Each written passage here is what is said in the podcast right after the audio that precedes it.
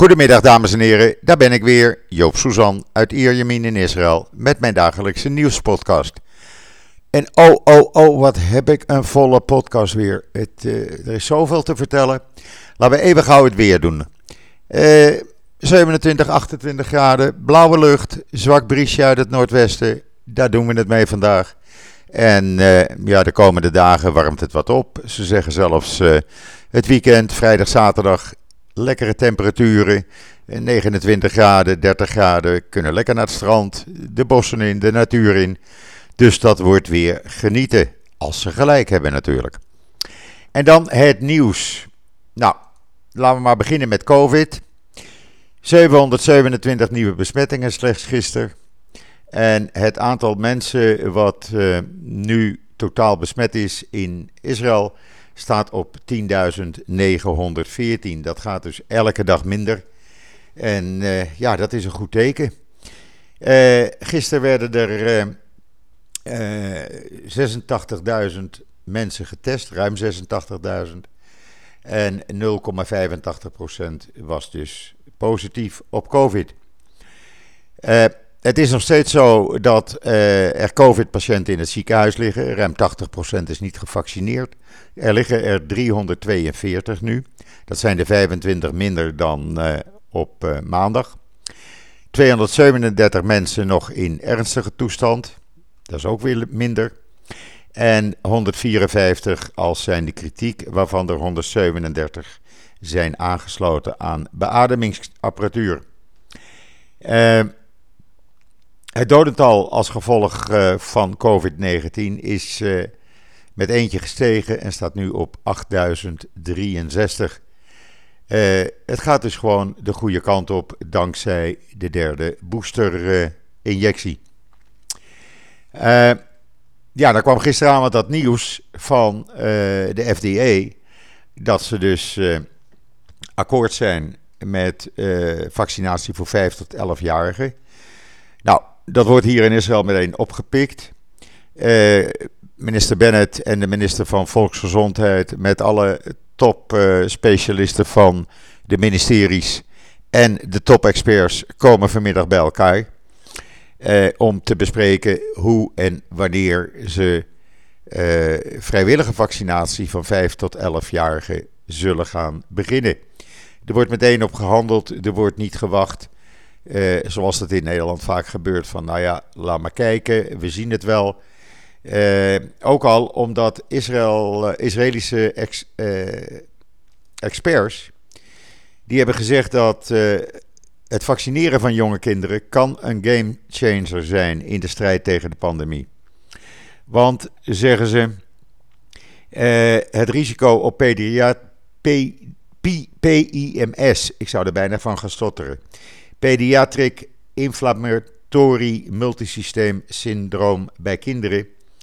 Uh, ja, dat, uh, dat wordt steeds groter. Er zijn uh, veel kinderen in het ziekenhuis. En er zijn zelfs een aantal kinderen aan PMS overleden. En men wil dat risico dus verkleinen. En daarvan zeggen ze. kinderen, zeggen ze, met COVID-19 die hebben milde uh, symptomen vaak, maar er zijn er veel, enkele honderden, die ook ernstig ziek zijn. En ja, vaccineren, dat werkt dus. Dan kan je onder uh, uh, kinderen een soort groepsimmuniteit krijgen. En dat zou dus misschien landelijk kunnen, waardoor ja, nieuwe varianten moeilijker voet aan de grond krijgen in Israël. Uh, er wordt dus meteen actie ondernomen en dat is een goed ding, vind ik. Israël heeft ook, en dat is eigenlijk een cadeautje geweest van Bennett aan uh, Poetin, uh, besloten dat het Sputnik 5 coronavirusvaccin is goedgekeurd. Dat betekent dat toeristen uit Rusland die twee keer zijn gevaccineerd en niet ouder dan zes maanden de laatste vaccinatie hebben gehad met Sputnik Israël in kunnen.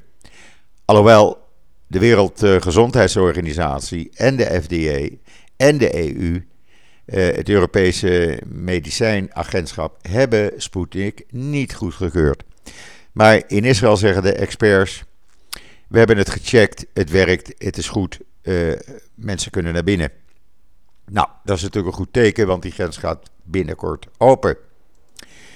Ja, en nu die grens open gaat, wordt er in Israël gewerkt aan een wet om persoonlijke informatie van alle reizigers te verzamelen. Zo'n wet bestaat al in Amerika, maar ook in de EU. Ik wist dat niet. Maar het blijkt dat in de EU een, uh, een wet is die, uh, ja, uh, privacy, vergeet het maar, want dat is er niet meer. Want wat kan, wat kan er via die wet die Israël dus nu ook van kracht wil laten worden, allemaal gedaan worden? Nou, alle informatie over vliegtuigpassagiers, de creditcardnummers, de verzoeken tot uh, maaltijden in vliegtuigen, het kopen van belastingvrije artikelen in vliegtuigen. Met welke creditcard heb je je ticket betaald? Nou ja, je kan het zo gek niet indenken. Alles wordt in een passagiersdatabase gestopt. Ook welke vluchten heb je een retourticket? waar heb je die tickets gekocht? Waar is de laatste, uh, wat is het laatste land of stad geweest waar je bent geweest? Uh, welke stoel zit je? Hoeveel bagage heb je bij je? Nou ja, noem het maar op. Het factuuradres, alles komt in die database. Maar dat blijkt dus in Europa ook al een wet te zijn. In het artikel heb ik de, de link naar die Europese wet erbij gezet. want ik denk dat velen van jullie dat ook niet weten. Het is een, uh, een database met PNR-informatie. Eh, en dat wordt in Europa dus gedaan, dus in Nederland ook. Dus iedereen die het heeft over my privacy, my privacy. Nou, dat blijkt dus helemaal niet zo te zijn, want dat, dat is er gewoon niet meer. Maar goed, we krijgen die wet ook. En dat gaat uh, vanwege corona natuurlijk. Maar ook vanwege terreur, om terreuraanslagen te voorkomen. Iedereen die uh, dan uh, van en naar Israël reist, komt dus in die database te zitten. Nou, is dat een goed ding? Ja, ach. Als het werkt, werkt het. En als je aanslagen daardoor kan voorkomen, prima. Wat ik niet wist, het was mij niet verteld, maar de Nederlandse commandant van de Nederlandse luchtmacht, die is in Israël. Die is aan het kijken naar die uh, Blue Flag luchtmachtoefening die hier plaatsvindt. En uh, hij was dus gisteren met andere luchtmachtcommandanten van uh, natuurlijk Israël, maar ook Denemarken, Noorwegen, de Emiraten, België, Griekenland en Cyprus en Amerika, India, Duitsland, Engeland, Italië en Frankrijk. Uh, bij president Herzog op de thee. En ja, dat was heel gezellig. Ze hebben zich best, geamuseerd. En uh, ja, die luchtmachtoefening, Blue Flag, die duurt nog even. Ik zei het gisteren al, ik hoor het bijna dagelijks, al die vliegtuigen overdag en s avonds boven mijn hoofd door het luchtruim razen. En dat zijn dus vliegtuigen van Israël, Amerika, India, Duitsland, Engeland, Italië, Frankrijk en Griekenland. Die doen aan die oefening mee. En ja, prima uh, dat Nederland dus een kijkje neemt. En misschien volgende keer gaat Nederland ook meedoen. En dan een heel mooi verhaal in uh, eh, israelnieuws.nl. Artsen hier in Israël hebben met behulp van geavanceerde 3D-technologie met succes de kaak van een soldaat, een IDF-soldaat, gereconstrueerd. Twee weken nadat hij door een kogel was geraakt tijdens een vuurgevecht in de buurt van Jenin. Soldaat 34 jaar oud, zijn kaak was uh, totaal weg. En die is dus nu weer helemaal gereconstrueerd. En dat hebben ze gedaan in de Rambam Healthcare, Healthcare Campus in Haifa. En is helemaal gelukt. Het hele artikel op israelnieuws.nl. En dan uh, een leuke video. Ik vond hem zelf leuk toen ik dat persbericht kreeg. Uh, Israel Aircraft Industries, IAI, die is begonnen met het uh, omzetten van passagiersvliegtuigen, Boeing, de Boeing 300, maar ook de B-77, uh, omzetten van passagiersvliegtuig naar vrachtvliegtuig. Nou, dat is natuurlijk een hele klus. En uh, ze hebben daar een hele fabriek voor opgezet. En het eerste toestel, ja, daar moest dus een laaddeur in die omhoog gaat. Dus er moest een stuk uit dat vliegtuig gesneden worden. En een nieuw stuk erin gezet worden. Nou, dat kunt u allemaal zien op uh, de video in het artikel op Israël Nieuws. En zo werd een, uh, een Boeing uh, B777 werd van passagiers een groot vrachtvliegtuig, want er is enorme behoefte aan vrachtvliegtuigen in de wereld. En dan het Israëlische bedrijf Helios, die gaat de technologie leveren om zuurstof en metalen op de maan te gaan produceren. Ze hebben een overeenkomst met uh, een Europees multinationaal technologiebedrijf, OHB, getekend. En die gaat zorgen dat uh, dit uh, op de maan mogelijk gaat worden bij toekomstige maanmissies. Nou, dan wordt het helemaal makkelijk. In 2025 moet het op de maan zijn. En dan, uh, dan wordt daar zuurstof en meta metalen geproduceerd dankzij een Israëlisch bedrijf. En het Technion heeft een systeem ontwikkeld om heel goedkoop waterstof te ontwikkelen. Nou, het is een heel technisch verhaal. U moet dat maar lezen op uh, israelnieuws.nl. Maar ik vind het wel een dingetje hoor. En dan de BDS had opgeroepen tot een boycott van het uh, LGBTQ Filmfestival. Oftewel het filmfestival voor en door gay people. En die uh, BDS die wil dus dat dit uh, geboycott wordt. Nou, daar hebben een aantal uh, bekende, hele bekende Amerikaanse acteurs en actrices al tegen geprotesteerd. Helen Mirren, Mila Kunis, Billy Portner, Neil Patrick, Zacharia Quinto en nog vele anderen. En ik vraag me af, waar blijven de Nederlandse acteurs en actrices om ook een statement te maken? Of zijn die het soms eens met de BDS? Kan je dan zeggen. Want als je niks zegt, dan stem je toe. Zo is het toch? En dan Israël. Uh, de Israëlische regering heeft besloten dat mensen die aan fibromyalgie lijden, dat is een chronische spierpijnziekte, uh, die ziekte wordt nu beschouwd als een handicap, waardoor je dus een ja, handicap-uitkering kan krijgen van maximaal 40% arbeidsongeschiktheid. Nou, dat is goed. Israël is een van de eerste landen ter wereld die dit heeft gedaan. Voor patiënten met fibromyalgie. Uh, en ja, het is een wereldwijd bekende ziekte. En in Israël schat men dat ongeveer 240.000 mensen eraan lijden. Dus een, ja, die mensen uh, die hoeven dan niet meer uh, bang te zijn dat ze hun inkomen missen. Ze kunnen iets blijven werken en daarnaast een inkomen 40% van hun salaris van de staat. En dan de eerste Druze autoriteit is een stad geworden. Magar in Noord-Israël is officieel een stad geworden nu. Zal groeien tot 30.000 inwoners krijgt dus nu alle rechten en plichten als een stad, als elke andere stad in Israël. En dat is uh, een hele goede zaak. Wat ook een goede zaak is, dat het vrijwel zeker is dat Israël binnenkort uh, visumvrijstelling krijgt van uh, Amerika. Ik weet, in Nederland is dat al jaren zo. Maar in Israël heb je nog altijd een visum nodig als je naar Amerika wil. En dat wordt dus mogelijk binnen een jaar afgeschaft. Een goede zaak. Ja, en dan uh, is het eerste vliegtuig wat uit uh, Israël vertrokken is. Het was een privétoestel, maar niettemin. Is in Saudi-Arabië geland, in Riyadh. En dat is nog nooit voorgekomen. Uh, na de Abraham-akkoorden mochten Israëlische vliegtuigen door Saudi's luchtruim naar India vliegen. Wat al uren scheelt in tijd.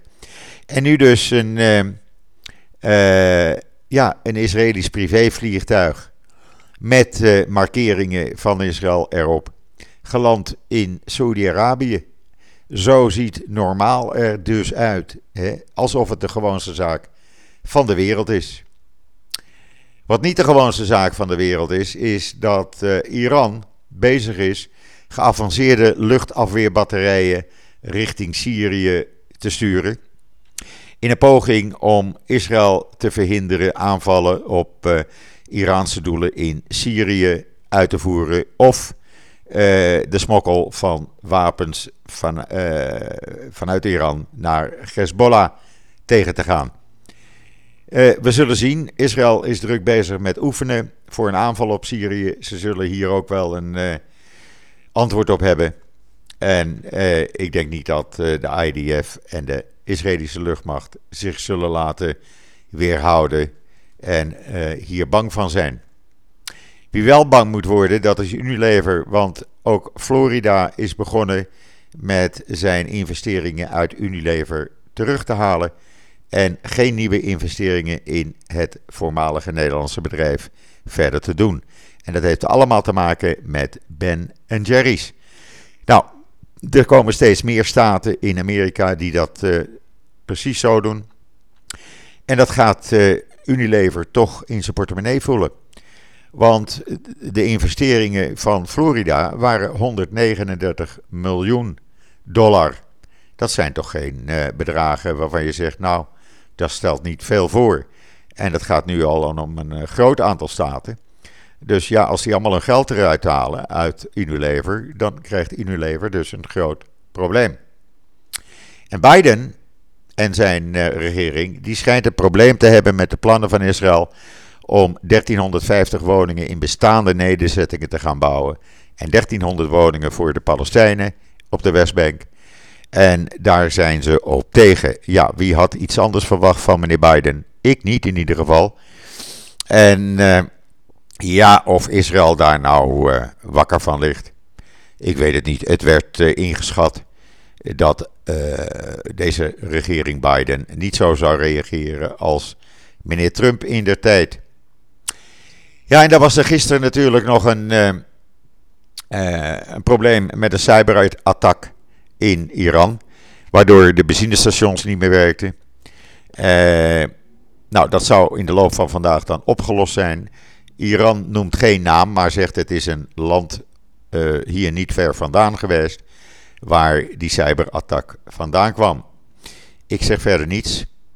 Uh, en in Israël zegt men ook verder niets.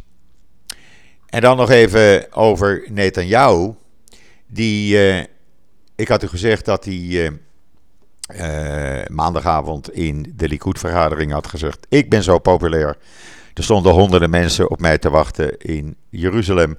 Toen ik in de wijk Talpiot op Bethlehem Road bij mijn kapper vandaan kwam. Nou, dat bleken dus drie mensen te zijn. Volgens de video's die kort daarna verschenen.